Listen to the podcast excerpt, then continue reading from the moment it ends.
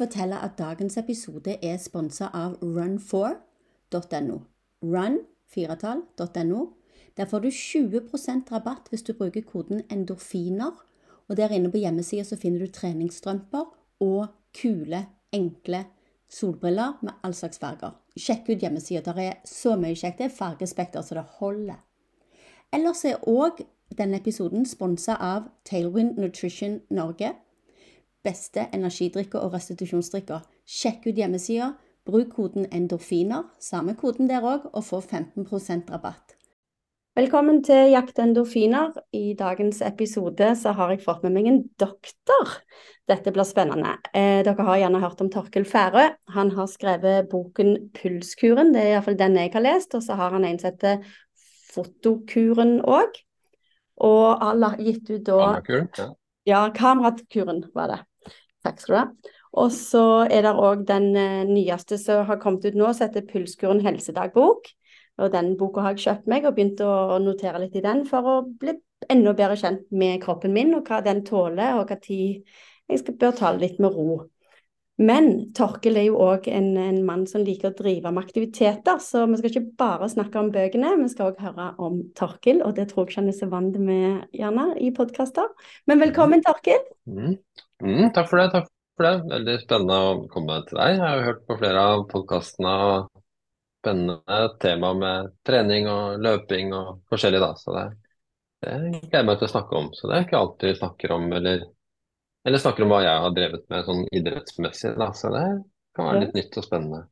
Ja, for de, de som eventuelt har hørt podkaster hvor du har vært gjest før, så er det jo gjerne hva jobben din går ut på, og hvordan du har eh, hatt eh, forskning på det med HRV. Trait variability. Ja, på engelsk er det mye lettere. Um, eller HRV på eller HRV sier gjerne, eller pulsvariasjon da på norsk. Da. Men du, jeg bor jo på Kolsås, og du har jo vokst opp rett i nærheten. Ja, jeg har vokst opp et uh, steinkast unna. Jeg er på Rykken. Så jeg gikk jo på Bryn skole, så det er jo ikke mange meterne unna Kolsås, det. Det er vel tvers over elva der. Så, ja. Og mange, mange, i klassen gikk jo på, bodde jo på Kolsås, så, at, eh, så vi var jo ofte, ofte i nærheten der, da. Ja. Selv om jeg bodde jo på Rykken, da, som var jo liksom en egen liten verden, da. Og da gikk du vel gjerne på skole med han eh det var en kjendis som var fra Rykken, og glemte jeg plutselig ut navnet hans òg. Harald Eia? Ja, Harald Eia, ja. Harald Eia, i hvert fall. Ja, han, var, han, er vel tre år eldre enn meg, men eh, han eh, er fra Rykken han òg, så han har jo skrevet mye om det. Og Nicolai Frobenius, som er forfatter, har skrevet om det. Uh, og, men jeg, jeg, bodde der hvor Harald Eia ikke turte å gå, da. Uh, så at jeg bodde liksom nede i slummen, på en måte, da, eller som vi kalte det gjerne, nede i bjørnebærstien. Og der, ja, ja. der, var det såpass mye skumle folk da, at, uh, at Harald Eia turte ikke gå der. Det, men der, der, bodde jeg, da. I blokkene der, ja. Så nå er det jo helt annerledes. At, ja. men miljøet der på 70-80-tallet var jo rimelig røft, altså. Sånn at en annen som har um, oppvokst der, um, han sa jo at det var en sånn fluenes herre-tilværelse ute i gata, på en måte. Så, um, med masse kriger og sånn steinkriger og, oi, oi. og, og sånt noe. Så jeg skjønner at han var litt skeptisk til å, til å komme ned til oss. Men du, når du eh, gikk på Bryn skole, eh, gikk du på noen aktiviteter eh, fra, allerede fra barneskolen og ungdomsskolen og sånn, eller? Ja, jeg tror vi gikk altså Det er liksom eh, Det er jo det vi gjorde på Rykken da. Det var idrett, ikke sant. Det sier jo Gunnar Mjaugedal også i hans podkast, eller ja. den, den, du hadde med han. Mm -hmm. Det var liksom det vi drev med. Eh, det var jo ikke noe så mye annet å gjøre på 70-80-tallet der. Så i Bærumsverk så var vi egentlig innom de fleste idrettene, tror jeg. Jeg drev med, med ski og friidrett og litt fotball. og og, og orientering etter hvert. da. Jeg ble liksom aldri noe god egentlig noe av det, da. Så jeg trente, men det blei det ble gjerne å fylle opp den siste tredjedelen av resultatlista. Altså. Ja. Eh, bortsett fra orientering, der kunne jeg slå til litt, eh, fordi at jeg var litt god til å orientere meg i terrenget. Eh, sånn, selv om jeg ikke var best til å løpe, så hadde jeg en eller annen sånn sans for å finne fram ut i naturen, på en måte, da. Mm. Som hjalp meg der, da. Så det kunne spare litt tid? Så der kunne jeg slå til liksom en andre-tredjeplass og sånn. Ja, kult. Ja, ja, ja.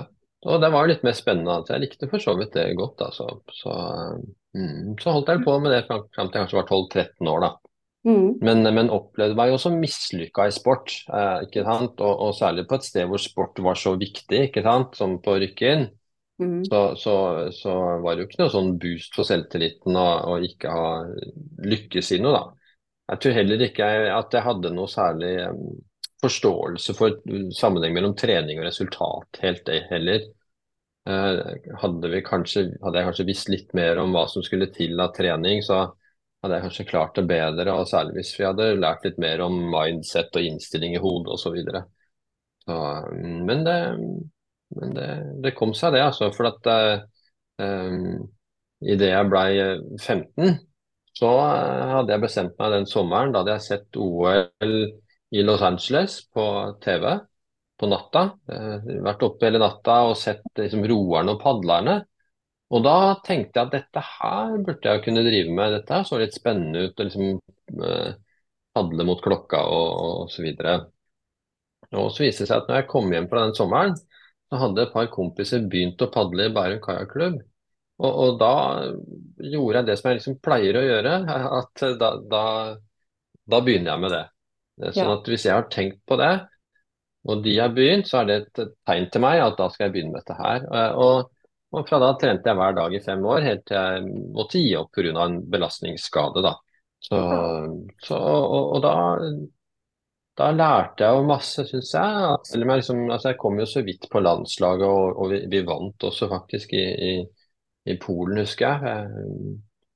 Og, og, og, det var jo et flott øyeblikk som på en måte gjorde at den karrieren var verdt det. Altså det å være med med landslagsdrakt på en måte og flagg på brystet og medalje rundt halsen, liksom. Det, det gjorde seg, det, altså. Det sånn at, eh, men, det, det lærte, men det jeg kanskje lærte mest av det, var dette herre um, Hvordan du skal trene, hvordan du skal gjøre en innsats, hvordan du skal tenke i forbindelse når du står på startstreken og sånt. Jeg var jo supernervøs, ikke sant. Hadde jo en dårlig historikk på dette å stille til startstreken og tape, da, ikke sant.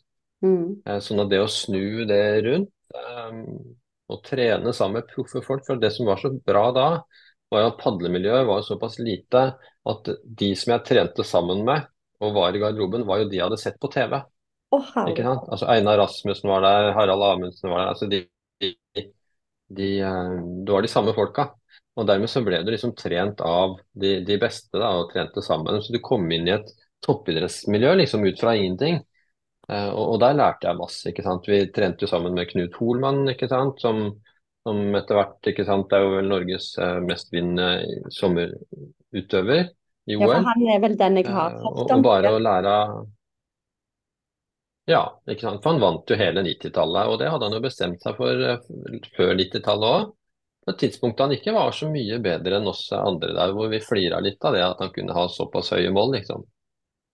Men når du da liksom så at han nådde dem, da, ikke sant, og at han tok konsekvensen av å ha så høye mål, da, med f.eks. å, å, å um, Altså, du kan ikke bli så god i Norge når halve året er fullt av is, ikke sant.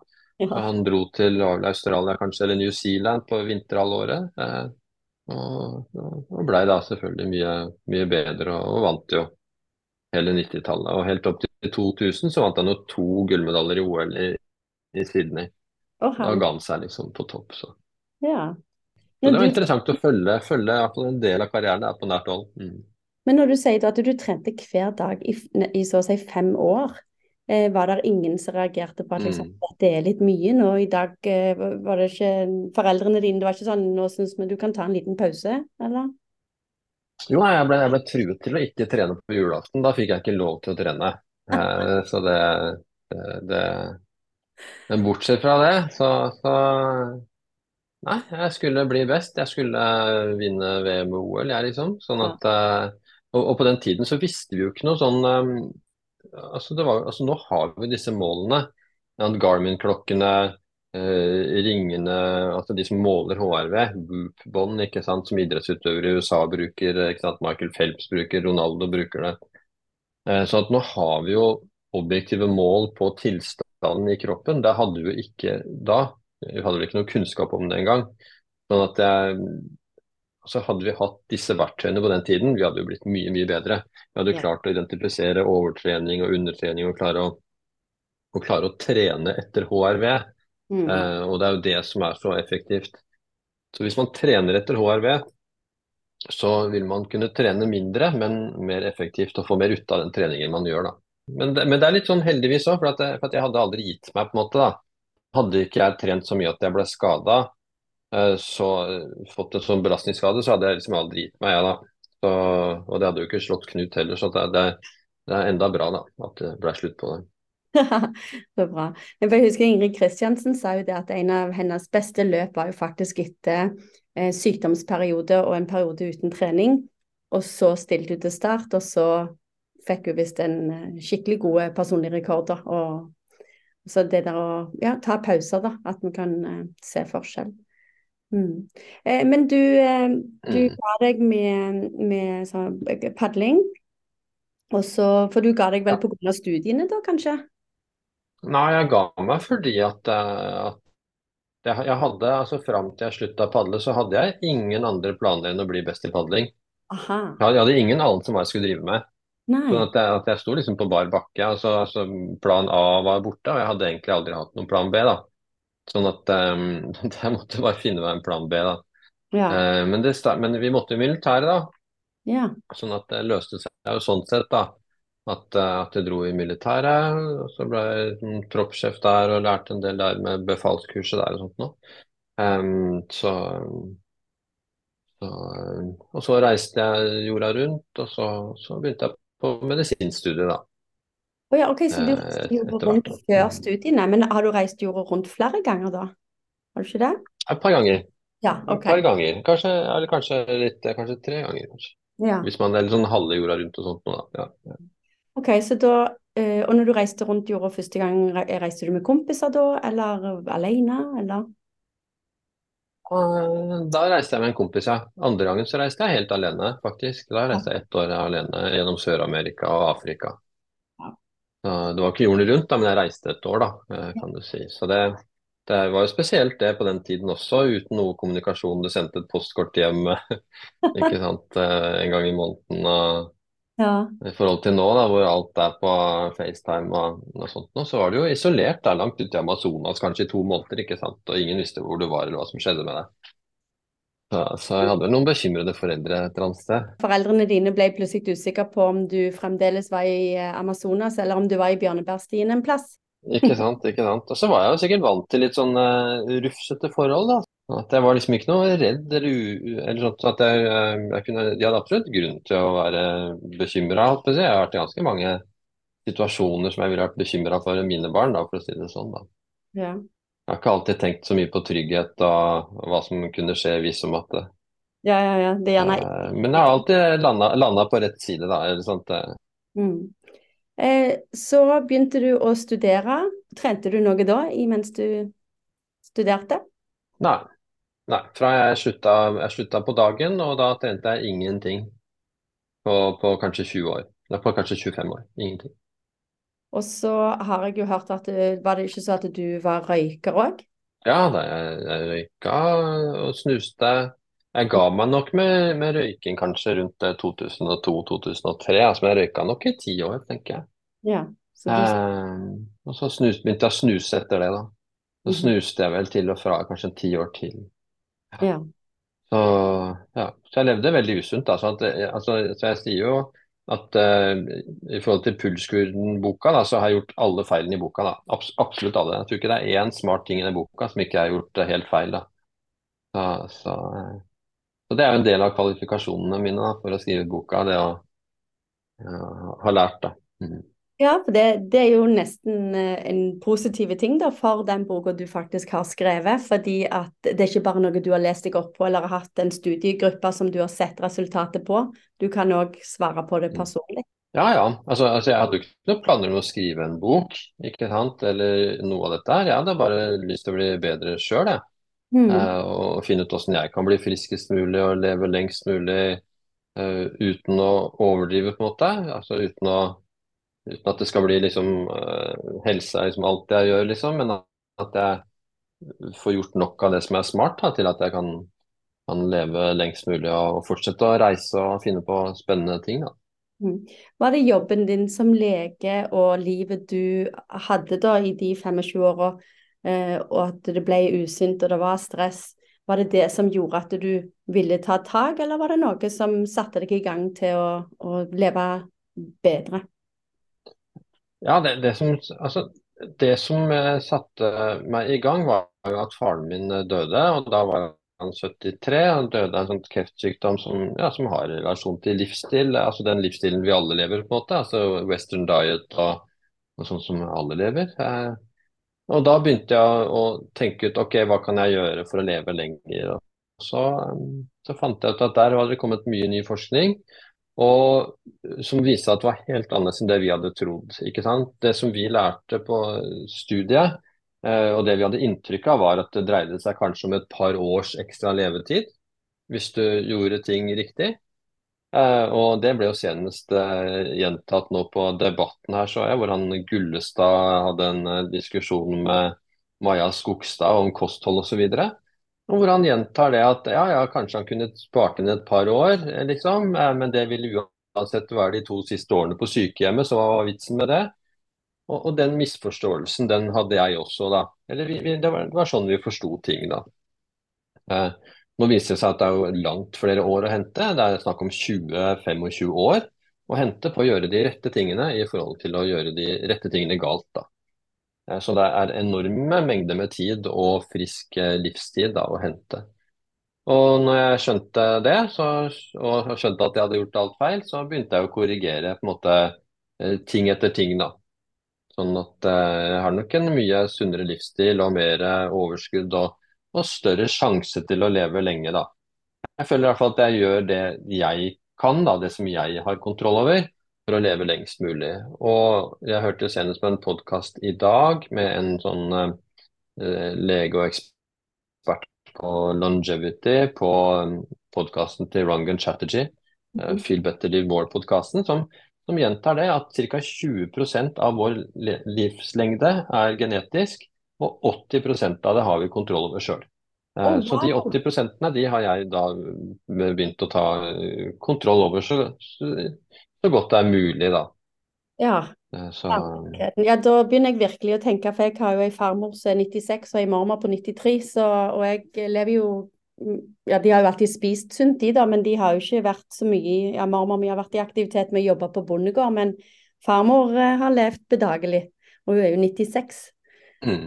Ja, da har ja. jeg Og det ser jeg jo det ser jeg på de som lever lenge, at de, de, de, lever, de har en stor tilgang på ro. Mm. Eh, sånn at de, En stor del av det er faktisk, og har vært ganske bedagelig, men at de har vært i passe med aktivitet. Mm. Sånn at Det er nesten sånn at det ser ut som om det at de er i stand til å være bedagelig, er enda viktigere enn at de er i stand til å være aktive. For det er veldig mange som er for aktive og, for, og, og ikke har noen evne til å være bedagelig, mm. for å si det sånn. da. Ja. Så, så en, en, ganske stor Egentlig et godt ord, det med bedagelig. For at en ganske stor dose av bedagelighet er nødvendig for vårt, vår fysiologi. At den skal klare å gjøre at immunforsvaret får gjort jobben sin. Sånn at uh, hvis vi hadde klart å være bedagelig i hvert fall en tre-fire timer om dagen, liksom, Eh, så, så, hadde det vært bra for helsa.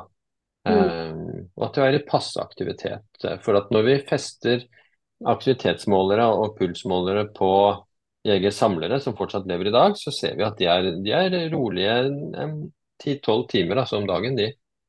Eh, de er i aktivitet i to-tre timer. Går ca. 15 000 til 20 000 skritt. Men når de ikke de går og beveger seg, så er de absolutt bedagelige. Da gjør de så lite de kan. Så det er en, en bra ting. Ja, da får jeg til å tenke på dagens ungdom som konstant har påfyll. De har jo ikke noe bedagelighet, eh, eller svært lite, da. Fordi det hele veien er inntrykk, inntrykk, inntrykk. Eh, de er på. Det, ja. ja. De er på hele tiden, og det blir de jo syke av. Og, og, og, ja, det viser seg jo også på statistikker osv. at de er sykere enn enn de har vært før. Mm. Men når du gjorde denne livsstilendringen, eh, hadde du, da, da hadde du jo eh, blitt voksen. Hadde du fått deg familie som òg var med på en endring, eller var det bare du som trengte å gjøre en endring? Ja, det var nok bare meg, ja. Det var nok det, altså. Ja. Det hovedsakelig, da. Mm. Så nå har vel eh, kona også begynt å trene litt mer de siste par årene enn hun gjorde før, da. Men, men det er nok jeg som hadde en sånn spesielt eh, elendig livsstil, da. Mm. Og du, du har jo eh, fått foto som, som en stor hobby. Har du noen gang jobba som fotograf òg? Jeg vet jo du eh, eh, informerte meg om de filmene som du hadde vært med å lage for NRK, men det med foto, har du vært Mm. fotograf på siden av legejobben? Ja, ja, altså jeg har, vært, jeg har nok vært mer en sånn type kunstfotograf, kan du si. da. En, eller sånn eh, blanding av dokumentarkunst. Altså hatt utstillinger, gitt ut fotobøker. Eh, vært veldig aktiv på det å lære å fotografere. Det har vært på mange workshoper rundt i verden, og holdt mange workshoper. Jeg har nok deltatt på som deltaker på kanskje 20-25 workshoper med verdens beste fotografer rundt omkring i verden. Og så har jeg holdt 60 i 11 land. da. Så jeg har, jeg har hatt kurs i, på Cuba, Etiopia, på Sri Lanka, i Marokko, Frankrike, eh, Palestina, i eh, ja. Kroatia, Norge, Norge og Færøyene. Forskjellig. Montenegro. Hva, hva var det som gjorde da at du ville skrive bok og linke det med helse og foto? Altså den linken da som du oppdaga eller prata med andre om, hva, hva inspirerte det? Ja, det var det at når jeg holdt fotokurs, så opplevde jeg at jeg Og jeg kunne ofte ha fotokurs en uke, og så dra rett på jobb et eller annet sted neste uke. Fram og tilbake. Og så så jeg at fotografene var helt annerledes enn pasientene. Altså enn de kroniske pasientene, preget av, av kroniske sykdommer. Og da så jeg at de eh, fotografene hadde en helt annen innstilling til å lære og til å endre seg og til å gjøre det som var smart å gjøre. ikke sant? De, var, de hadde tross alt reist halve jorda rundt, kanskje, for å lære hvordan kan jeg bli en bedre fotograf. De satt og fulgte med. Hvis jeg ga dem råd, så testet de ut rådet. Eh, sjekket hvordan det fungerte. Eh, var villig til å lære, villig til å endre seg. Eh, jeg kunne se hvilken innstilling, hvilken måte å gjøre ting på, ville føre til at de fikk til det de ønsket seg. Uh, og, og, og så så jeg at pasientene de sleit med å få til akkurat det. Og så tenkte og, og på legekontoret, hvis jeg prøvde å få dem til å endre innstilling, endre måten å gjøre ting på, så var det stort sett bare protester og, og sure fjes, da. At, altså liksom, bare, det, bare en antydning om at de hadde noe som helst med helsa si å gjøre. At, at de selv hadde noe som helst eh, si, ansvar for, eller deres situasjon, det ville de ikke høre noe om, altså. Mm. De ville bare ha en tablett, og at jeg, det skulle jeg fikse. Um, og dermed så tenkte jeg at ok, kanskje jeg kan bruke de grepene i fotografi til å lære pasienter og andre hvordan skal du tenke, hvordan skal du gjøre ting, gjennom den konkrete oppgaven det er å ta et bilde, da. Du kan si at Det å ta et bilde er en liten, konkret, håndterbar vanskelighet. En slags vanskelighet i miniatyr. Og måten du løser den vanskeligheten på, den måten løser du alle vanskeligheter på. Mm. Uh, som bl.a. innebærer å ta fullstendig ansvar. Du, sånn som jeg hørte på når jeg var deltaker på fotokurs. Hvis jeg kom med noen unnskyldning for at et bilde ble sånn eller sånn, eh, så var det bare OK, du er ansvarlig for alt inni ramma her, eh, og, og det er ditt problem. Du Ja. må løse det. Uh, ferdig med det, liksom. Mm. sånn at det å ta fullstendig ansvar for omstendighetene, selv om du ikke har vært skyld i omstendighetene, det er jo også en nøkkel da, til å få til ting. Da. Det tar meg rett tilbake til studietida mi, fordi jeg tok alle fotofagene de hadde på universitetet i Nord-Dakota. For jeg eh, spesiali kunne ikke spesialisere meg innen foto, men jeg kunne spesialisere meg innen TV-produksjon. Eh, Så jeg fikk tatt bare det der å stå inne på et mørkerom og framkalle.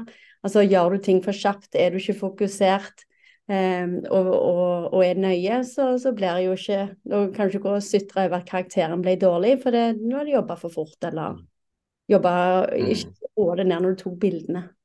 Mm. Mm, ja. ja, og foto generelt dreier seg om tilstedeværelse. Være til stede, gripe mulighetene som oppstår. Og da gjennom det for så vidt, da gjennom kamerakuren at jeg ble oppmerksom på at vi har et grunnleggende autonomt nervesystem som har liksom vært helt oversett.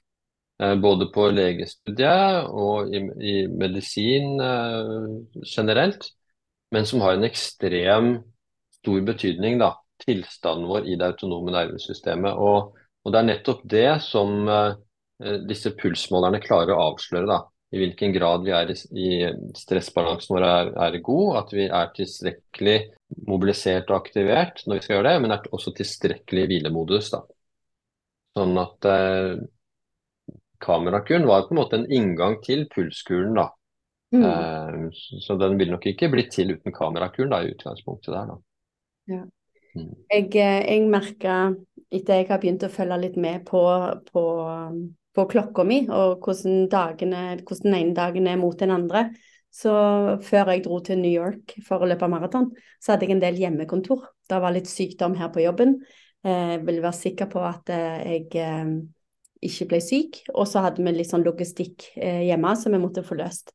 Og da, de dagene, enn om jeg var på jobb mellom åtte og fire, så var det mye mindre stress fordi at jeg satt alene eh, på liksom, hjemmekontoret mitt eh, og, i, og, gjorde akkurat samme jobben som jeg gjør her på kontoret, men der er det flere folk, mer aktivitet, prate med folk. Og, for det, det skiller jo ikke mellom positivt og negativt stress. Så det syns jeg var veldig fascinerende å se. Mm. Ja. ja. og jeg ser jo ofte at de som har kontorjobb, har ofte veldig lite stress de på, på dagen, da. Mm. Uh, og, og, og, dermed så er det jo veldig bra for dem å trene. Ja. Ikke sant? For å, få, for å få opp litt intensitet, og at ikke de blir for slappe, rett og slett. da. Mm. Hvis du drar rett fra en kontorjobb, og så tar jeg bilen hjem, og så hjem i sofaen, det, det er ikke noe særlig bra. Um, da, da, trenger du de treningsøktene for å få opp litt blodsirkulasjonen blodsirkulasjon og få et sterkt hjerte osv. Mens mange andre kan ha det motsatte problemet, at på, på, jobben er det mye stress.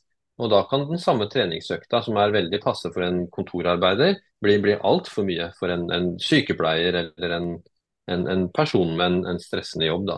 Så det er det å tilpasse treningen til hele totalbildet i løpet av dagen, det er superviktig.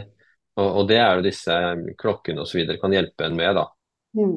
Eh, jeg har jo ikke, jeg ikke snakka så mye om selve jobben din når du ikke er forfatter eller fotograf. Altså rett og slett det at du er en mm. lege. Eh, og du er jo ikke en vanlig Du er ikke som min fastlege. Han finner jeg alltid på samme kontor. Eh, jeg har sagt til han han får ikke lov å slutte, og han får ikke lov å flytte. Jeg orker ikke begynne på nytt med å forklare om CMT og alt, eh, alt i sammen. Mm. Du jobber jo på, på forskjellige steder. Fortell om din arbeidshverdag, og hvordan du klarer å flette inn aktivitet i det. Mm, ja, min arbeidshverdag er jo egentlig ingen hverdag.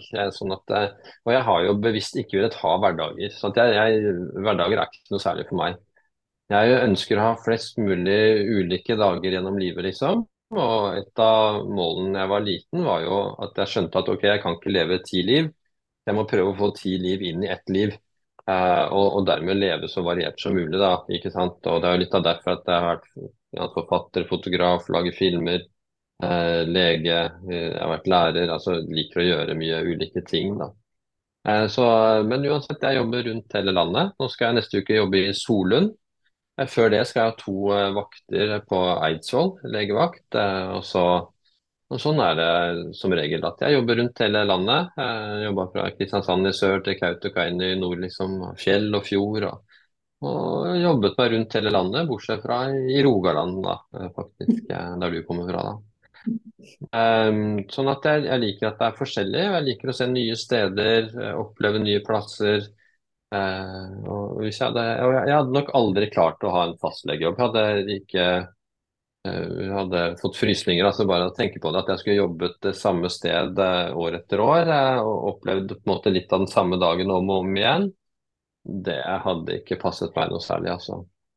Så, så, så, jeg liker variasjon, da. Og jeg liker at du aldri vet hva som venter deg på legevakt. Eller jeg liker å komme til en kommune, jeg vet ikke hva, jeg vet ikke hva som venter meg på, en måte, på noe vis. da.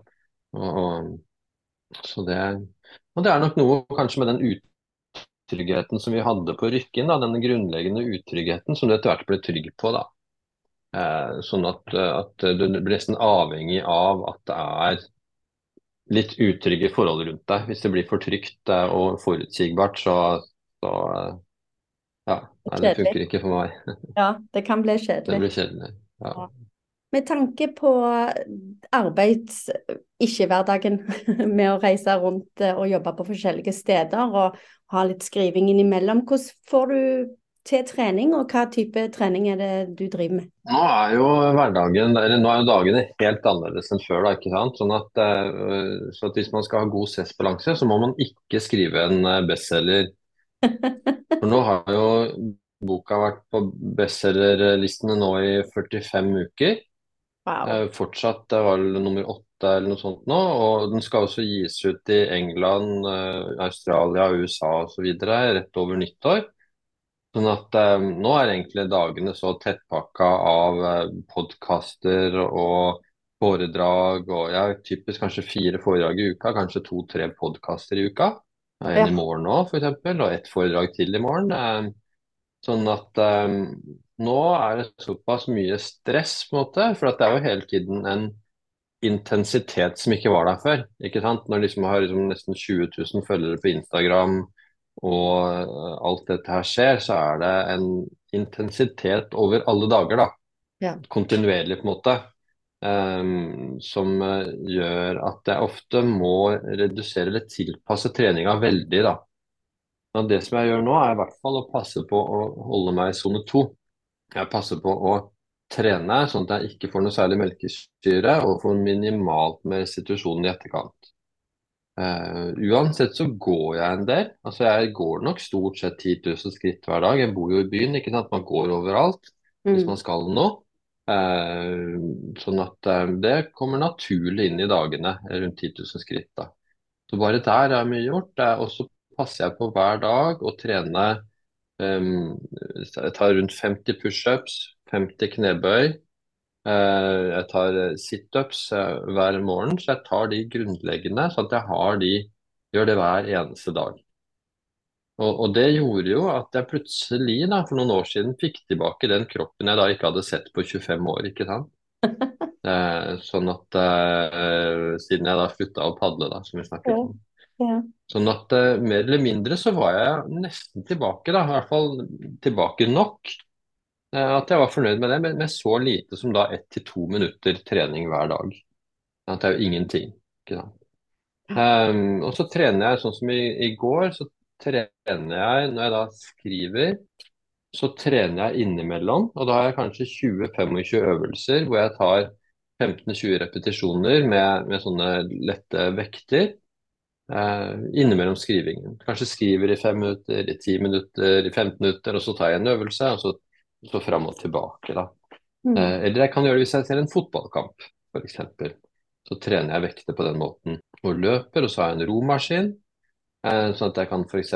ta fire ganger fire da, minutter på eh, romaskin innimellom, og da trener du jo ca. 85% av musklene. Så det er en veldig effektiv måte, og som du selvfølgelig kan gjøre året rundt. da. På sommeren så foretrekker jeg å løpe langs Akerselva, men nå er det litt lettere å ta romaskinen. da. Så må jeg da være veldig nøye på å trene også. At hvis jeg ikke trener, så vil jo kapasiteten min bli dårligere. For jeg ser jo det, at de med god kondisjon, da kan på en måte kropp og hjerne jobber mye lettere. Og når jeg ser dårlige kurver, ikke sant? vi har jo 3000 medlemmer på pulskuren.no. Jeg mhm. får jo tilgang og, og blir spurt om mange forskjellige kurver osv., eh, som Garmin-klokkene spesielt, da, men Nora osv. viser. Og Da ser jeg at hvis kurvene er dårlige og det er mye stress, så altså, ligger det ofte en dårlig kondisjon i, i grunnen. da, eh, som, eh, som gjør at kroppen hele tiden må jobbe for hardt og som er et tegn på at du har for dårlige mitokondrier i kroppen. Altså du, eh, Cellenes kraftverk som cellene er avhengig av for å fungere best mulig, og da er det cellene i alle kroppens organer eh, er for dårlige, har for dårlig funksjon. Eh, og, og da er det å trene og få oppnå en god kondisjon er viktig både for hjerne, for mental velvære og, og, og kroppslig velvære, vil jeg si. Så, så, men det gjelder å finne den balansen, da. i Mm. forhold til det totale livsbelastningen av stress. da.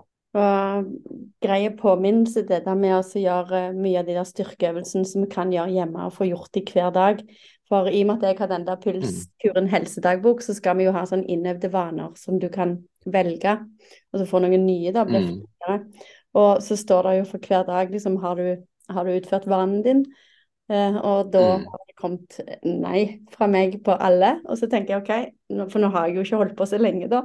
Eh, og med ei uke i New York Mm. eh, livet ble snudd opp ned. Eh, så jeg tenker at jeg Mm. skal bare fortsette med den vanen jeg satte at jeg ville få inn, og så skal jeg få den inn før jeg Mm. Jeg skal ikke bare bytte til en annen. Men det der med å, å trene litt styrke mens du ser på en fotballkamp Jeg pleide å trene styrke når sporten kom på. For det var jo en fin påminnelse om at OK, da må jeg ned på Ja. For den pleier jeg ikke å se så mye av Mm. uansett. Det er liksom noen innlegg. Men genialt. Men du, på Mm. pulskuren så er det jo da rett og slett bare for å lære oss eh, andre som ikke har vært med på studien og, og er leger, og du som sitter med så mye informasjon, vi lærer jo mye mer om kroppen, om hvor grensene går for hver enkelt, for hver dag, hvis vi følger med på hva en Garmin-klokke sier, eller den Aura-ringen, eller det Whoop-armbåndet. Eh, kan ikke du fortelle litt om Mm. det for de som eventuelt ikke har lest boka? Ja, det som det gir et svar på, er å bruke pulsen eh, til å gi et anslag på belastningen i øyeblikket og gjennom døgnet. da. Og det de bruker, det er heart rate variability, som er et mer nøyaktig mål for det enn bare pulstallet. da. Er, man kan si at det er som å se på pulsen med, med forstørrelsesglass. Eh, Det er, det er et mye mer nøyaktig mål. Og når vi er i hvilemodus, eh, så vil hjertet slå litt raskere på innpust, for da er det mer oksygen i lungene. Og når du puster ut, og det er mindre oksygen i lungene, så vil hjertet slappe av litt grann i millisekunder. Um, og det sparer eh, oss for en, gjennom et helt liv, kan spare oss for 350 millioner hjerteslag. da. Um, og ikke minst så er det den tilstanden hvor kroppen prioriterer vedlikeholdsprosessene i kroppen. Det, det hvor immunforsvaret får gjort jobben sin osv. Uh, når vi er i stressmodus, og det skal vi altså være tilstrekkelig i løpet av en, en dag eller eh, en uke, så vil hjertet slå mye jevnere. Det vil ikke tillate seg å spare inn på utpust. For også selv om det er lite og mindre oksygen i lungene, så må vi likevel ha en høy puls. da. Um, men det er også et slags signal til kroppen om at nå må overlevelse eh, prioriteres. Nå skal vi prioritere aktiviteten og ikke vedlikeholdet. Og dermed så blir immunforsvaret satt på hold, liksom, så lenge aktiviteten er. Og, og først når vi er ordentlig i hvilemodus, så får immunforsvaret eh, restituert optimalt.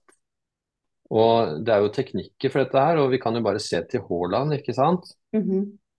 som bruker dette her. Han, han bruker alle triksene i fullskolen. det er, virker det som.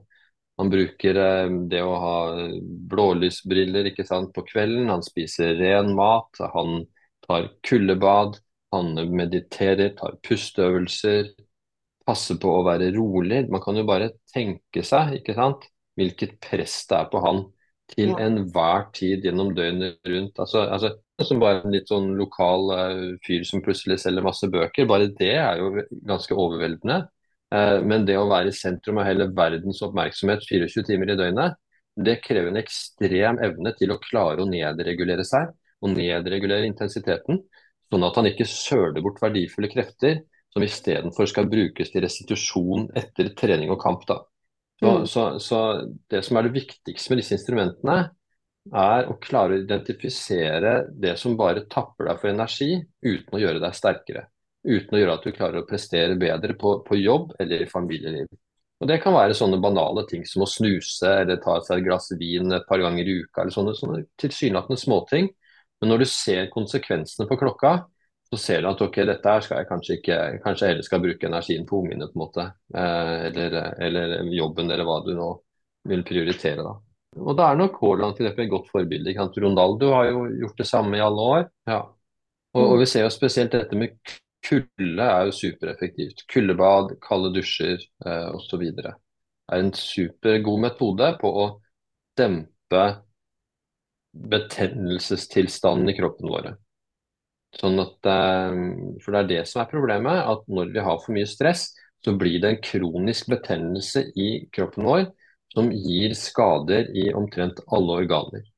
Og Vi ser jo nå at en regner med at 80% av de sykdommene som vi eh, forholder oss til i helsevesenet, har en bakgrunn i en for høy betennelsestilstand, som, som da går løs på alle kroppens organer, og som vi ikke har noe spesielt gode ting å stille opp med som leger. Vi kan klare å dempe symptomene litt her og der.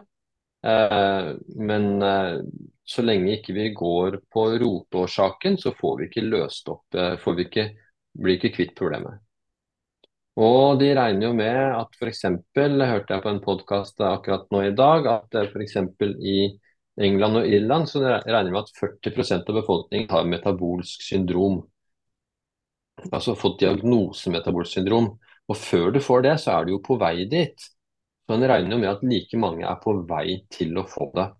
Og da snakker du liksom 70-80% av, av befolkningen det er liksom for mye stillesitting, for mye stress, for lite søvn, ultraprosessert mat med mye raske karbohydrater. Og en del sånne ting som, som, da skaper denne betennelsen, og som er den måten de aller fleste lever på. Så Man trenger ikke å leve noe spesielt ekstremt for det. Man kan si at jeg gjør det som alle andre gjør, ja, men det gjør deg syk. rett og slett. Sånn at um, mm. Jeg mener jeg har lest at du skrev at autoimmune sykdommer egentlig da kommer fra stress. Stemmer det at jeg ikke har lest rett? Ja, en del, ja, ja, en del, ja. En, en, del av det, en stor del av det, eh, er utløst av stress. Ja. ja. Det kommer gjerne etter stressende perioder. F.eks. Eh, Gabor Maté sier jo at 80 eh, av autoimmune sykdommer hos kvinner oppstår i løpet av første år etter en graviditet. Oh, ja, ja. Som selvfølgelig er en enorm, enorm belastning da, på mange måter. Sånn at um, det er uh, Immunforsvaret måte, får ikke gjort jobben sin. Det både det måte, skyter litt feil. da, altså Autoimmune sykdommer er jo en slags sånn uh, friendly fire. At, uh, at immunforsvaret angriper eget vev istedenfor fremmed vev av ulike årsaker. Og, og det skaper jo da de autoimmune sykdommene. Og Hvis man googler gjerne de autoimmune sykdommene og kobler opp mot HRV, så, så vil man finne en sammenheng eh, med det. Men er da løsningen egentlig om å virkelig endre måten man lever på? For det var det som du sier nå, da, at en autoimmun sykdom kan komme etter første graviditet. Jeg fikk psoriasis etter første graviditet. Mm, ja. Kunne jeg da altså, Typisk autoimmun sykdom. Ja. Og går det da an å bli kvitt den med å bare endre? For det er jo ingen som har sagt til meg, det er liksom bare sånn her er en krem smør på. Altså, kan jeg da ja, ja, det er jo også mange Ja, ja. Men bedre HRV, eh, blant sikkert også andre eh, ting, så, mm. så, vil det kunne bli mye bedre. Og det er jo mange som sier, jeg har også hørt f.eks. på den podkasten til uh, Spis deg fri til Irina Li, hvor, hvor det er eksempler på folk som har hatt psoriasis, psoriasis har de begynt å spise annerledes, mat som ikke er like betennelsesframkallende, og så er psoriasisen borte. Mm. Uh, sånn at, uh, og hud er jo noe det vi veldig fort ser uh, hvis, hvis, det er en stresstilstand. Så vises det veldig fort på huden, fordi at hudcellene er i rask omsetning. Og, og, det er noe av det vi først ser, ser det på. da. Det kan være generelle utslett f.eks., eller Mm. Som, som, gjerne har sammenheng med stress. Da. Ja. Men vi eh. snakker jo stress i bred forstand, sånn at f.eks. høyt blodsukker, eh, spise pizza, drikke tre-fire glass vin, dette er stress. Ikke sant? Så det er ikke bare det stresset vi tradisjonelt tenker på som stress. at Når vi begynner å måle sånn med klokken osv., så, videre, så ser vi at mange av stressfaktorene er skjult for oss, ligger under radaren, rett og slett. Mm. Ja, nei, der, der, er, der, er, så veldig mye å tenke på. Det er gjerne en av grunnene for at jeg da ikke har tatt tak i alt. For jeg tenker at hvis jeg skal gjøre en endring, så påvirker det så fort familien. Og så er det det å få med familien på de endringene som du ønsker, da. Når du ikke bor alene i huset. Mm. Uh, men det mm. Ja. Så da må vi få, få mannen min til å høre, og ungene mine til å høre på dagens episode. uten mm. mm. Og så er det jo, så er det jo alltid Det er jo alltid en del man kan altså, En del er jo upraktisk å få gjort noe med, og så må man da kanskje gjøre mer på andre områder, da.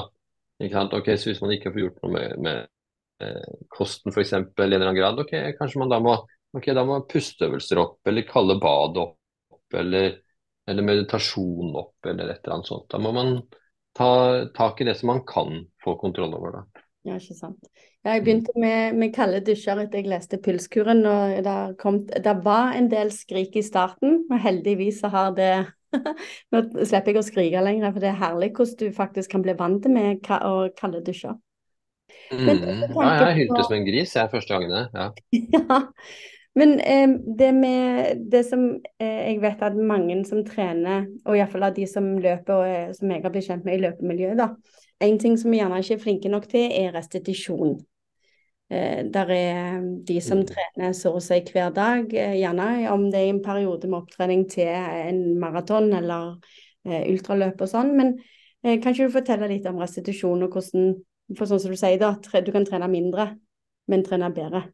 Ja, så det, Da gjelder det å trene etter HRV. altså Bruke HRV som et tegn på om du er overtrent, om du trener passe, om du at du er nødt til å trene for å belaste kroppen, men du må også tillate kroppen å reparere seg og dermed få den belønningen for den treninga. Hvis du da går rett videre og, og trener før kroppen på en måte har nyttiggjort seg den forrige treningen, så, så, så ødelegger du bare for deg selv, da. ikke sant? Uh, og det er flere, hvis man da googler f.eks. trening og HRV, eller hvis man gjør det på engelsk på en eller annen måte, da får man selvfølgelig mange flere svar vil man mm. finne at de som eh, er gode på det, å styre treningen etter HRV, de får bedre resultater med mindre trening. Ja. Sånn at, eh, og det har vi jo på pulskuren.no, så har vi jo kurs med Tore Austad, som er PT, eh, som holder kurs jevnlig på online-kurs da, om hvordan du skal trene etter HRV. da. Og, og, og, og, det å ta fri innimellom, ikke sant? og sånn som Ingrid Kristiansen sa, at etter en etter en eh, periode med sykdom så presterte hun bedre, og det var kanskje fordi hun trente for mye. Mm. Og, at hun rett og slett måtte ha en sykdomsperiode hvor sykdommen kanskje tok en viss mengde, men det at hun ikke trente, det, det var enda eh, si, større effekt. Mm. At hun ville ikke belastet seg mer med treningen til vanlig enn den sykdommen var en belastning. Mm. For å si det sånn, da. Der er det jo På Garmin så vil du få restitusjonstall etter en treningsøkt. Så får du jo et tall på, på hvor lenge du bør restituere etter den. Ja, jeg har fremdeles 33 timer restitusjon etter New York Marathon som var på søndag, og i dag er det jo da torsdag. Ja, og det vil nok jeg også tro. At, eh, mm. at, og det ser jo at halvparten av maratonløpere eh, har eh, troponin, høye, høye troponintall, som er et tegn på at det har oppstått hjerteskade. Ja. Og, og, da må man tillate det og tilhele seg, ikke sant? før du begynner å løpe igjen. Mm. Sånn at, um, at, det er en betydelig belastning, som klokka viser da. ikke sant? At ja. det er fortsatt 33 timer restitusjon, faktisk. Og det er nok et veldig reelt tall etter en, etter en maraton. Og det er jo jeg Nå har jo jeg um, uh, meldt meg på, eller meldt interesse for og har tenkt å være med på New York Marathon mm. neste år. Og jeg er jo veldig utrent. og jeg jeg, eh, jeg, tenkte jeg skal prøve altså Mange har jo mål, da, sånn tidsmål. Men jeg skal prøve å, å ikke komme under fem timer. Det har jeg liksom bestemt meg for. Så det, det, er i hvert fall ett et mål. Det, det, går sikkert veldig lett, da. Ja, det blir stilig. Å ikke få til det. Ja, nei, for jeg, ja, jeg, ja, Min første maraton hadde jeg jo ingenting å sammenligne med. Og jeg ville absolutt ikke sammenligne meg med mine venner, for de er jo en del kjappere enn meg generelt. Og da eneste jeg fulgte med på, var pulsen. Uh, uten å ha hatt uh, noe um, terskeltest uh, i det hele tatt. Men jeg bare visste at jeg ville ikke over 150, for jeg merka at hvis jeg var ute og løpte en lengre tur til opptreninga, så hadde jeg det kjekkest hvis pulsen ikke var over 150. Så har jeg jo lært i etterkant at min mm. terskel er 130, eller jeg bør ha rolige turer på 138, da. Da terskel er 156. Ja, ja. Mm. ja. Ja, jeg bør nok holde meg på 100, 130, tenker jeg. Jeg tror ja. ikke jeg skal over det. Nei, hvis jeg skal det... løpe så langt, nei. Men så får du jo en helt annen opplevelse òg, for det er jo sånn som venninna mi Maria sier, som er den, den, kjappeste i den nærmeste gjengen min, da. Hun, hun, har jo ikke fått opplevd byene når vi reiser til utlandet for å løpe, så får ikke hun med seg alle inntrykkene. Men nå i New York, da tenkte hun nei, nå, denne her skal hun få med seg. Så hun satte tempoet ned og fikk opplevelsen, for det, det er såpass store mm. inntrykk da, i, i, i, en så lang løype. Mm. Ja, ja, ikke sant. Jeg så det løypekartet, så ser det spennende ut. Og så tenker jeg liksom at om jeg ikke får det til, da, eh, så bryter jeg i hvert fall i New York, da. Så da er jeg i hvert fall der. Jeg er jo veldig glad i New York. sånn at det, Nei, jeg tror nok det kommer til å gå, gå fint. Jeg, nå, for det er så lenge hvis du løper jevnlig, og iallfall litt grann hver, hver måned, så, så, mener jeg iallfall at alle skal klare mm. det så lenge de har hodet med seg og vet at det er jo greit å komme seg i mål og få den medaljen uansett hva tida er. Mm, ja, så tror jeg man har litt, man har litt sånn eh, veldig stor Det skal man sikkert ha, da, respekt for maraton. Det høres veldig lenge ut osv. Men på disse pilegrimsvandringene og sånt nå, så har jeg jo gått med sekk opp og ned si, eh, i, i både tre og fire mil. da.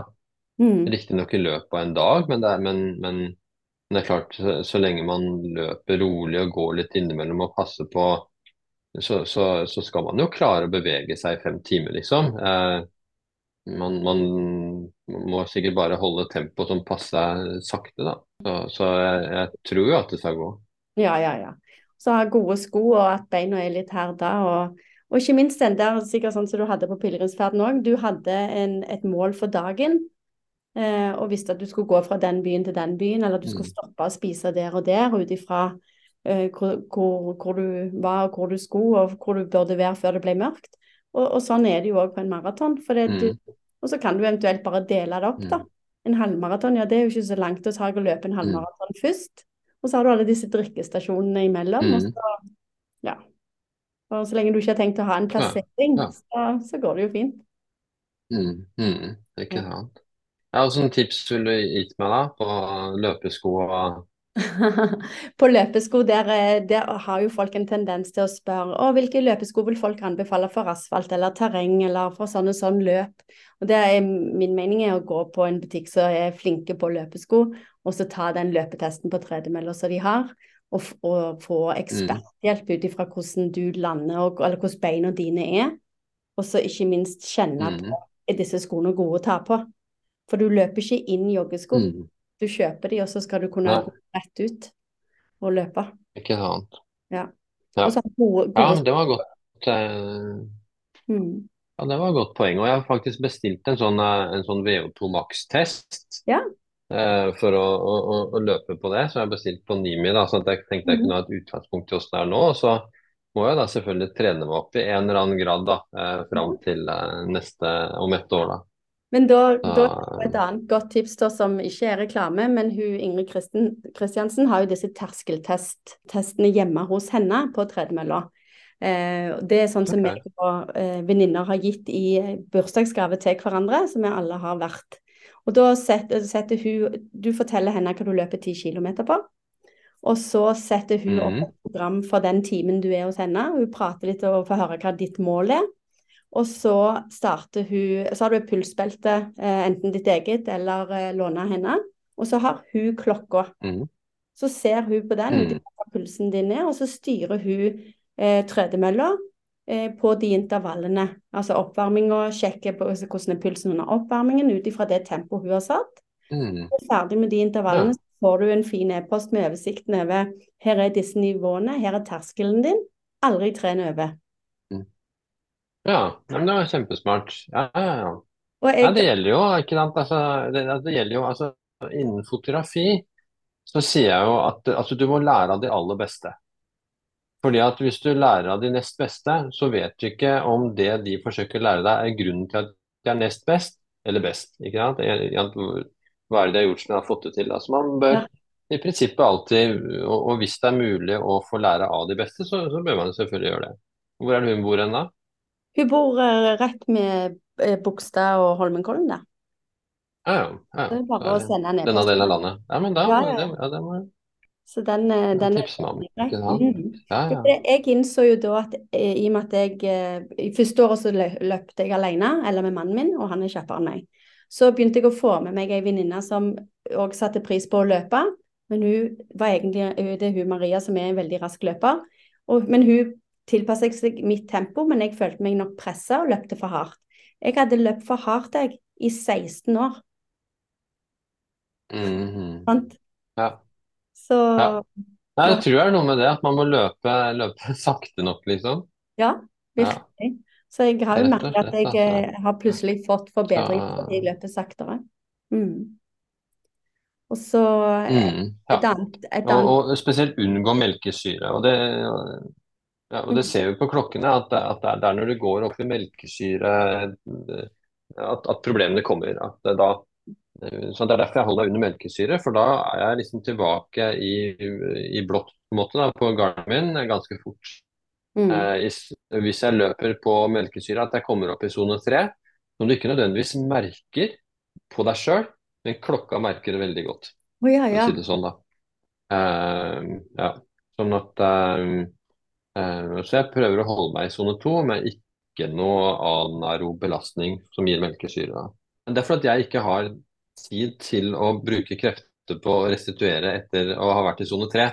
For at jeg må gjøre så mye annet. ikke sant? Ja, det var før jeg leste boka di, og jeg har jo hatt eh, Garmin-klokka i ganske mange år, og før det Polar. Men jeg kunne ikke lese av klokka noe særlig. Og jeg fikk alltid kjeft av klokka mi, uansett hva jeg gjorde. Og så sto det alltid du bør trene hardere og kortere for å forbedre din kondisjon. Så jeg er litt sånn Herligheten, jeg skal jo ikke bli noen sprinter, jeg skal ikke springe fem kilometersløp, eller jeg har ikke lyst til å perse i ti kilometersløp, det er jo halvmaraton og maraton jeg trener mot. Jeg skal jo være seig, jeg vil være eh, Jeg tar det med ro. Men alle treningene var jo for harde. Så da etter å ha lest boka di og lært litt mer om hva er det egentlig disse tilbakemeldingene er, og med de eh, svarene fra Ingrid, så har, får jeg jo bare skrøyt og skrøyt utenom maraton, da. Da står det jo fint overbelastet. Men eh, der eh, holder jeg det Mm, ja, ja. i alle fall ei uke fri Ikke sant? Mm.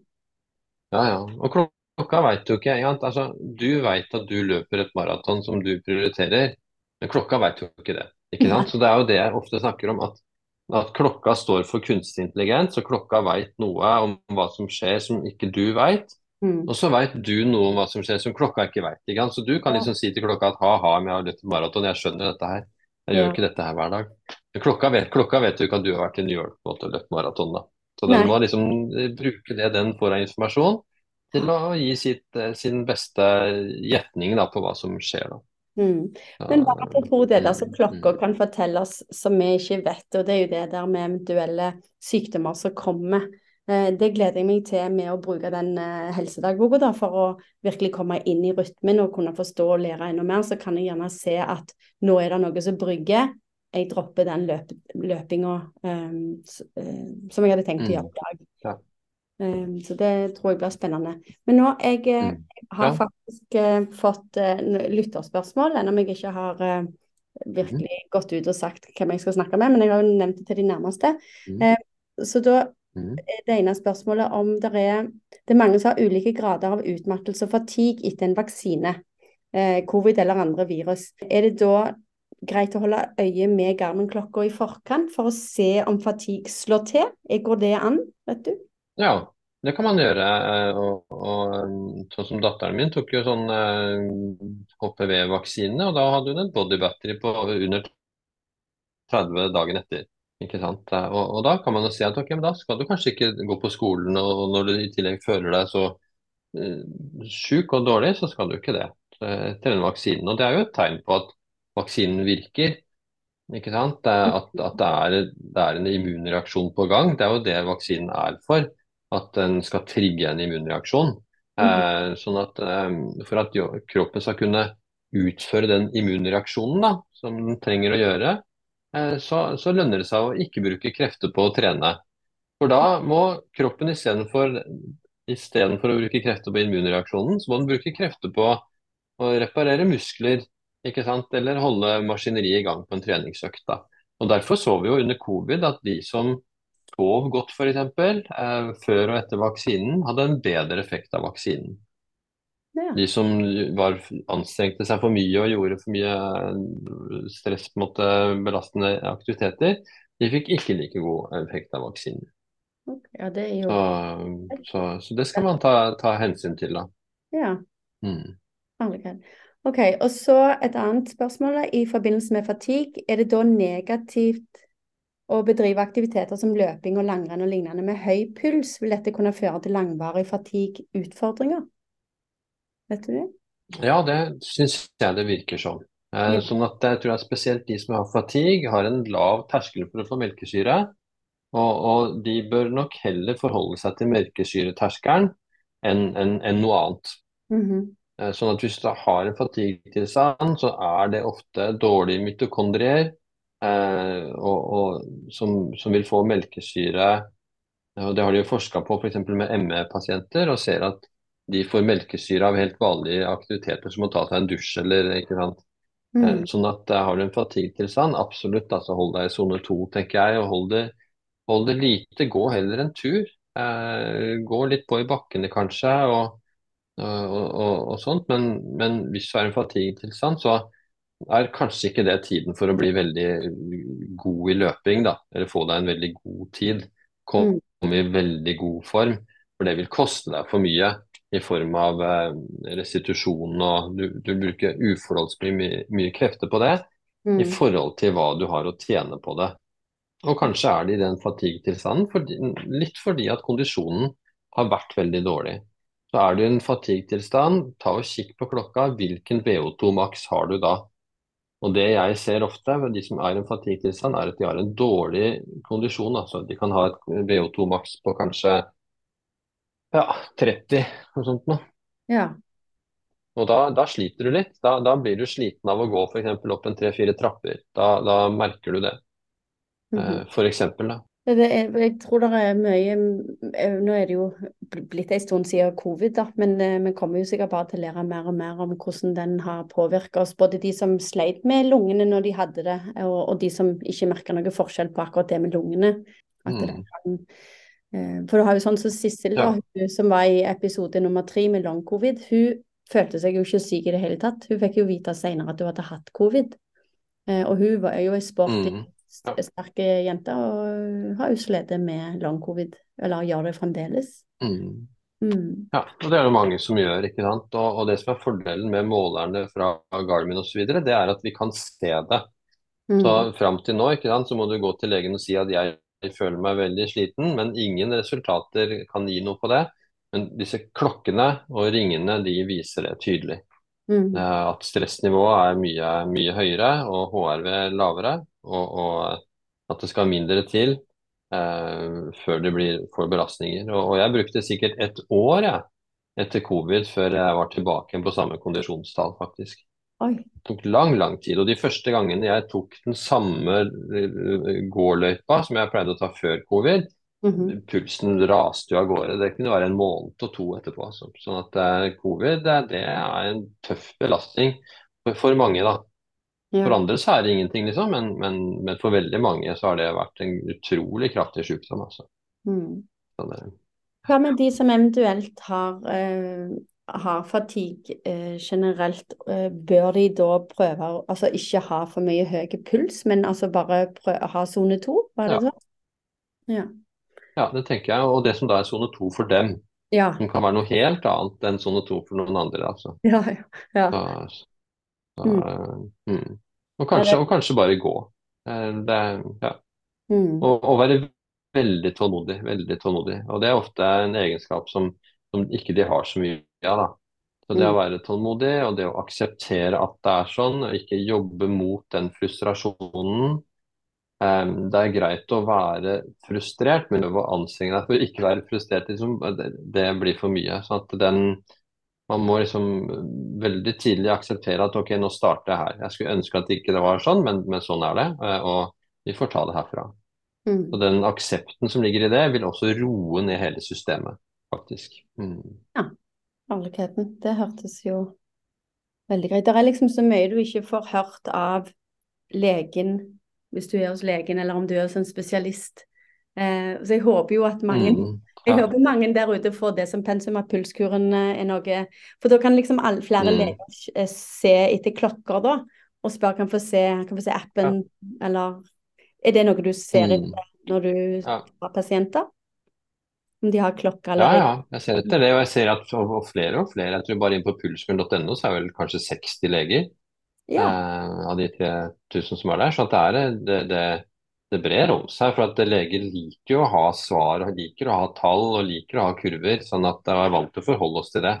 Ja. at med en gang de på en måte får sett det, så skjønner de jo umiddelbart eh, verdien av det, liksom. Sånn at det, eh, men, men fram til de, at de har sett og lært om det, så tror de at det bare er en sånn gimmick eller et eller annet påfunn, da. Men, eh, men de merker fort at dette her er tall frembringet gjennom idrettsutøvere og tung forskning, altså eh, idrettsfysiologiske labber som har brukt milliarder av kroner altså, på å utvikle dette her. Mm. Sånn at eh, det, er noe, det er ikke noe småtteri. Og, og algoritmene til Garmin f.eks. kommer fra finske Firstbeat, som har jobba i 25 år med dette her. Eh, med, med, ja. Så det er, det er proffe folk som, eh, som ligger bak alle disse systemene. Altså. Ja, for jeg merker jo bare det som jeg, jeg leste boka i sommer og, og har prata om den, tatt opp med forskjellige anledninger hvor jeg syns det passer inn, da, så merker jeg jo at det er litt sånn skeptisk eh, reaksjon eh, fra noen. Eh, og noen mener at det, hvis du holder på å følge med på det, så blir du bare mer stressa. Men det har vel litt med personlighet å gjøre òg, da, og hvorfor du ønsker det. Ja, ja. Ja, hvis, noen sier, hvis hun er redd for at de blir stressa av det, så vet jeg at ikke de har prøvd, da, for å si det sånn. Mm. Så, så det er sjelden jeg hører noe av det fra de som faktisk eh, har prøvd. Da. Ja. Men, jeg, men jeg skjønner at de er skeptiske. for at eh, Før jeg begynte med dette, her, så tenkte jeg at dette er jo for godt til å være sant. Liksom. Og du er, du er vant til at stort sett hvis noe er for godt til å være sant, så er det ikke sant. Um, men det er altså sånn at pulsens variasjon med pusten kan fortelle oss ekstremt mye. da mer enn man kunne håpet på som lege da, om, om hvordan organismen vår og fysiologien vår fungerer. Da. Når jeg har vært på hytta mi på Nesfjellet, i nærheten av Nesbyen, så får jeg beskjed om akklimatisering for høydemeter. Bør jeg ta noe hensyn til det, for det er jo sånn 900 meter over havet, ikke, og så bor jeg på Kolsås, Ja. som er rett under 100. Hvordan påvirker det, liksom? Ja, det bør du ta hensyn til. Eh, og, og ifølge Whoop, da, eh, fordelen med Whoop er at de logger det som brukerne gjør, da. Og på siste sånn årsoppsummering så tok de for seg liksom de ulike belastningsfaktorene. Og der var den tredje eh, største belastningsfaktoren var sykdom. Den nest største var høyde, og den største var alkohol. Eh, Men det nest største er altså høyde. Ja. Sånn at, eh, og Det er jo derfor eh, idrettsutøvere bruker høydehus osv. Som Mhm. en ekstra belast, belastning Mhm. eh, for å bli sterkere. da. Så Du bør bare være klar over at det er en belastning. Sånn Hvis du vil bli veldig sterk, så er jo det sikkert da bra. da. Ikke sant? Å, å, å være i høydehus, og særlig hvis du skal ned igjen etterpå. Man kan tenke seg at hvis du f.eks. skal løpe et maraton, da, så kanskje det er kjempesmart å løpe oppe på Nesbyen eh, på, på fjellet eh, Mhm. en uke eller to før du så kommer ned til, eh, til New York og løper på, på havnivå igjen. ikke sant? Ja.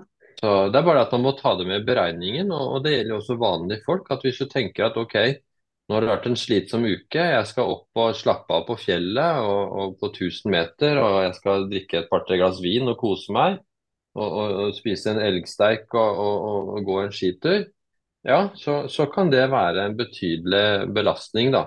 Så når du da kommer hjem og har tenkt i hodet ditt at nå har jeg eh, fått restituert meg helgen, så har du kanskje absolutt ikke det.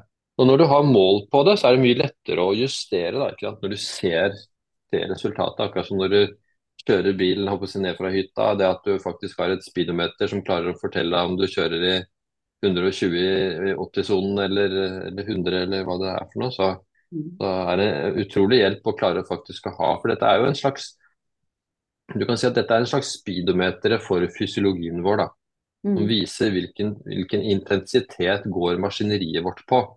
Hvilke turtall har vi? Mhm. Og og det er klart å gå på maks turtall hele tiden er altså veldig lite helsebringende, da. Men vi skal gå på maks turtall innimellom. Ikke sant? Det blir jo samme som håper jeg, en daukjørt motor. at Hvis du bare går på dødgang, så, så er det like gærent da, som å gå for du, du må så dette er instrumenter som skal hjelpe deg til å kunne yte maksimalt og ha maksimal intensitet når du vil det, men også at du skal kunne klare, klare å dra intensiteten helt ned eh, når du trenger det. Eh, Mm. og kunne stå på den spaken selv, da, og ikke være låst på et eller annet intensitetsnivå, kan du si. da. Som, Mhm. som veldig mange er. da. Mange er veldig lite fleksible. da. Kan du, de, lever lite fleksibelt, kan du si. Mhm. De har rigide liv, de gjør omtrent det samme hver dag, eh, og, og, omtrent den samme intensiteten. Eh, enten den er høy eller lav eller middels. Så, så jeg tror at det å gå opp og ned i intensitet og ha et fleksibel fysiologi, fleksibelt nervesystem, det er viktig. da. Mm. Må bare spørre da, for hvis jeg da har hatt høstferie på hytta, eh, gikk mye i fjellet, kjørte ned til Nesbyen, jeg husker ikke hvor mange høydemeter forskjell bare det er, men det er en del. Eh, løpte en halvmaraton der, kjørte opp igjen, eh, går mer tur i fjellet, og så kjører vi hjem til Kolsås, og så løper jeg gjerne på søndag kvelden, fordi at jeg hadde bare én løpetur, men jeg hadde jo mange Mm. spesialturer i fjellet da. Er det sånn at jeg burde vente med løpeturen på søndagen? Altså er det derfor han gir beskjed, at det står akklimatisering, fordi at jeg må Mm. tilbake til normalen, så bør jeg vente noen dager, liksom, hvis jeg virkelig skal Mm. følge klokka? Ja, det, det kan være. ikke sant? Du vil jo se da, på body battery-nivået og HRV-utviklingen over tid. Mhm, ikke sant? Det er kanskje den som er spesielt viktig, HRV-utviklingen over tid, mhm. eh, som, som er viktig å følge med på. da. Så det, jeg vet ikke, hva, Vet du hva HRV-en er nå i forhold til før du var i New York, eller? Nei, jeg har bare kom hjem i går morges, så skal vi se. Ja, ja, ja. Han har vel ikke fått se. Ja, den er, den er veldig lav. Den Den er er veldig lav, ikke sant? ja, den er på 33. Ja. Og hva pleier den å være? Nei, han pleier å være sånn rett under 60. Ikke sant? Så den er halvert, ikke sant? Så den, den, det er et godt tegn på, på den belastningen du har vært igjennom, både med maratonet, men også reise Ja. og, og jetlag osv. Det totalbildet her, da, ikke sant. Sånn at du bør kanskje ikke trene igjen på vanlig måte eh, før mm. den er oppe igjen omtrent på den samme HRV-en som du har vært vant til. Ja. Den kommer opp til 60 igjen, ok, da, da er du klar igjen. Mm, Istedenfor at Eh, for den, du, du, du, flyter jo, du flyter jo lenge bare på den belastningen du har hatt. Altså Den ene maratonen eh, Mm. har jo eh, vært en belastning som, du, som kroppen nå må nyttiggjøre seg. Og Hvis du nå løper, så har du på en måte stoppa opp egentlig den, den prosessen som ville gjort deg sterkere. Ikke sant? Mm. Du ville da- kjørt deg ned. ikke sant? Og da kommer jeg rett over til det som var neste spørsmål. Vi har afterruns, sant? Afterski, men vi har afterruns. Alkohol og altså, som du sa da med hva som var, som var verst, sant? så var jo alkohol på toppen. Vi går ut og feirer Mm. at vi har vært så flinke å trene over så lang tid, og så går vi og spiser god mat, og så drikker vi alkohol og tar en ordentlig fest. Og føler oss rett og slett Mm. jævlige dagen etterpå. Ikke sant? Er banketten. ikke sant? Ja. Nei, det var jo bankett etter, etter, etter sånn landslagsstevner og sånt. Det var bankett, liksom. Ja. Og det var liksom om å gjøre å vinne bank bankett nå, liksom. Men det som eh, Whoop sine tall da, for idrettsøvere viser, er at eh, restitusjonsevnen er nedsatt i fem døgn etterpå. da. Oi. Den er, restitusjonsevnen er nedsatt 75 første døgnet. Eh, Det var vel nedsatt rundt eh, 35% andre døgnet, og så 17% tredje døgnet. Men også fjerde og femte døgnet var restitusjonsevnen nedsatt med 7 da. Sånn at um, en, alkohol har en ekstrem effekt. Altså. Og det er jo det som folk flest altså Den store sjokkeffekten som folk har når de begynner å måle, er rett og slett alkohol. Mm. Uh, at, det, at det ikke bare er en følelse av uggenhet dagen etter, men at det er, kroppen har vært gjennom et lite jordskjelv. Mm. Uh, og at uh, kroppen da har måttet bruke alle krefter på det istedenfor å bli restituert. Da. Mhm. Så, så, mm, så det er vel ikke uten grunn at Ronaldo og, de fleste av idrettsutøverne er eh, rimelig alkoholfrie. Så. Ja, ikke sant. Og da kommer jeg jo rett på neste, fordi jeg merka jo da i høstferien For jeg pass, eh, kutta virkelig eh, ned på alkohol i og med at jeg fikk trent så lite fram til maratonen. Så tenkte jeg da skal jeg iallfall ikke ødelegge det med å drikke alkohol eh, på lørdager og i høstferien, og, og heller bare velge da jeg tar den ene kvelden eh, hvor jeg eh, koser meg, og resten så skal jeg ikke, og jeg prøver ikke gjøre det verre. Eh, men hvis jeg tar ett Mm. glass vin, så ser jeg det jo veldig på søvnen. Det ekleste er jo Mm. Ja, bare, bare, bare, bare ett glass. Ja. Ja, det er jo helt vilt. Det, ja, det er helt ekstremt. det er Mm. nok en ting jeg bare skulle ønske liksom, at det skulle vært sånne svære billboards som de har i USA. Mm. Med Ja, ja, liksom, ja. Og bare også søvn generelt, om, og ut ifra hvordan eh, ja, bodybatteriet påvirkes. Og bare det Mm. der at eh, når du legger deg etter midnatt Jeg kan ikke snakke Mm. litt om det med søvnen. Mm. Ja, særlig det med det som påvirker søvn mye, er jo både sene måltider og, og det å legge seg for seint òg, da. At det, det ser ut, i hvert fall for mange, da, at det er spesielt den søvnen før midnatt som er viktig å, å- å starte, i hvert fall. da. Og, og ikke, ikke spise siste måltidet senere enn fire timer før du legger deg. Ja. Og da er det snakk om ikke et eple engang, eller knekkebrød. altså det er, det er snakk om å ikke spise.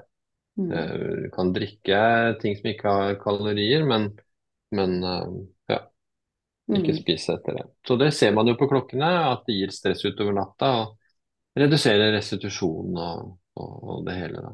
Mm. Så, eh, ja, det er jo det som er så fantastisk med, med, med disse instrumentene, at de, mens du sover, så passer de på.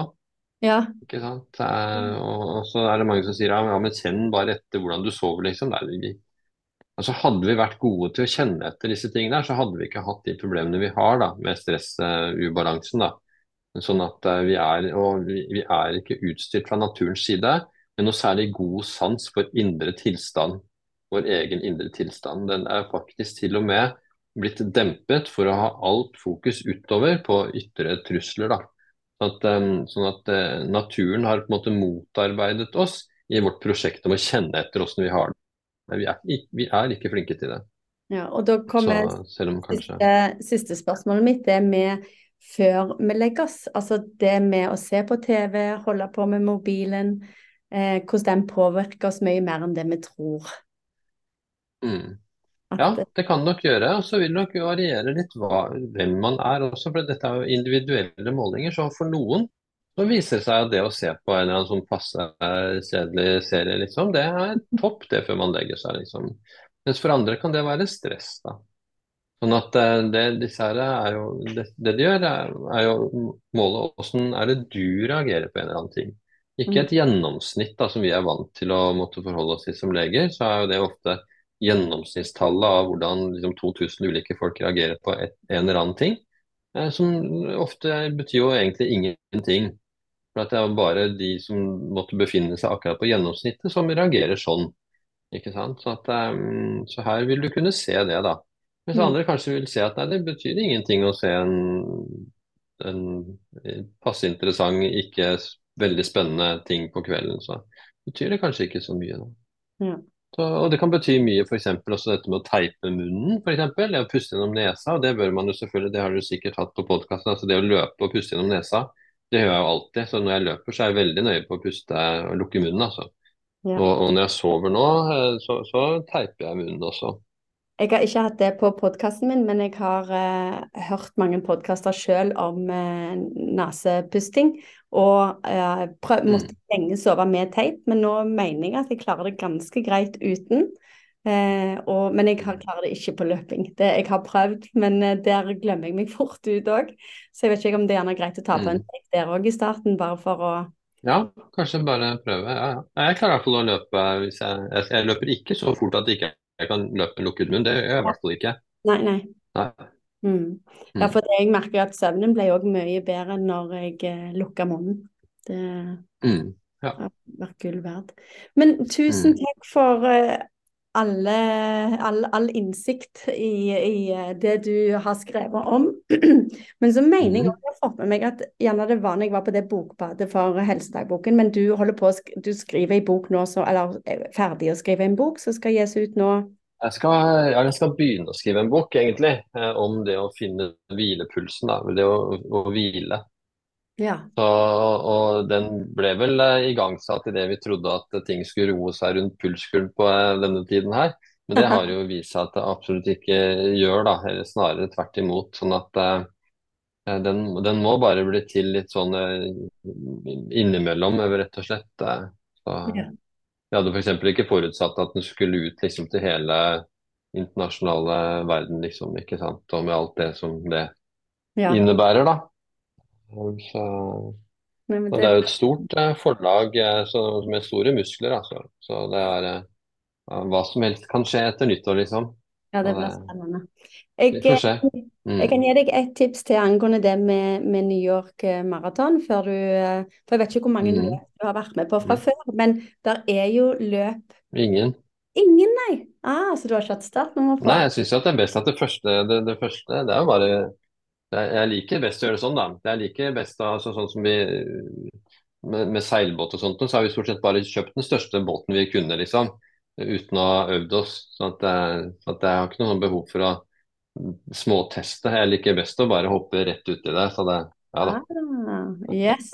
Men da blir det sånn jeg traff på, på flyplassen. Han løpte sin første maraton nå i New York. Eh, og hadde ikke vært med på løp før. Så da blir det samme som han. For jeg skulle til å si at et, et godt tips er jo å prøve litt kortere distanser. For å, å se hvordan det er med kortere. Men da vil det gjerne skremme deg med å tenke at oi, filler òg, det er veldig langt med 42,2 km. Mhm. Ja. Jeg får se hvordan jeg løser det. Så det, er bare, det blir spennende. Det blir en fin utfordring. Passe den. ja. Du får masse lykke til i opptreninga. Nå har du jo ett år. Mm. Så håper Ikke sant? Takk, da. Håper du koser deg masse, og takk igjen for at du stilte til intervju til. Til, til å si, lille meg. I forhold til de podkastene du har vært på før, så er det jo både kjendiser og mentale trenere og leger og det hele. Og så fikk du Nina fra Forus. Ikke sant. Tusen takk for det. Det er, veldig hyggelig å komme, og særlig at det var litt andre tema å snakke om enn en vanlig. da, med Ja, Mer fokus på trening og sånt. Så det er gøy. så kjekt.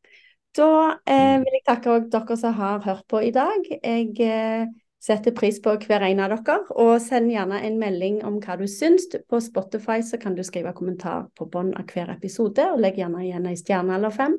Eh, og så høres vi.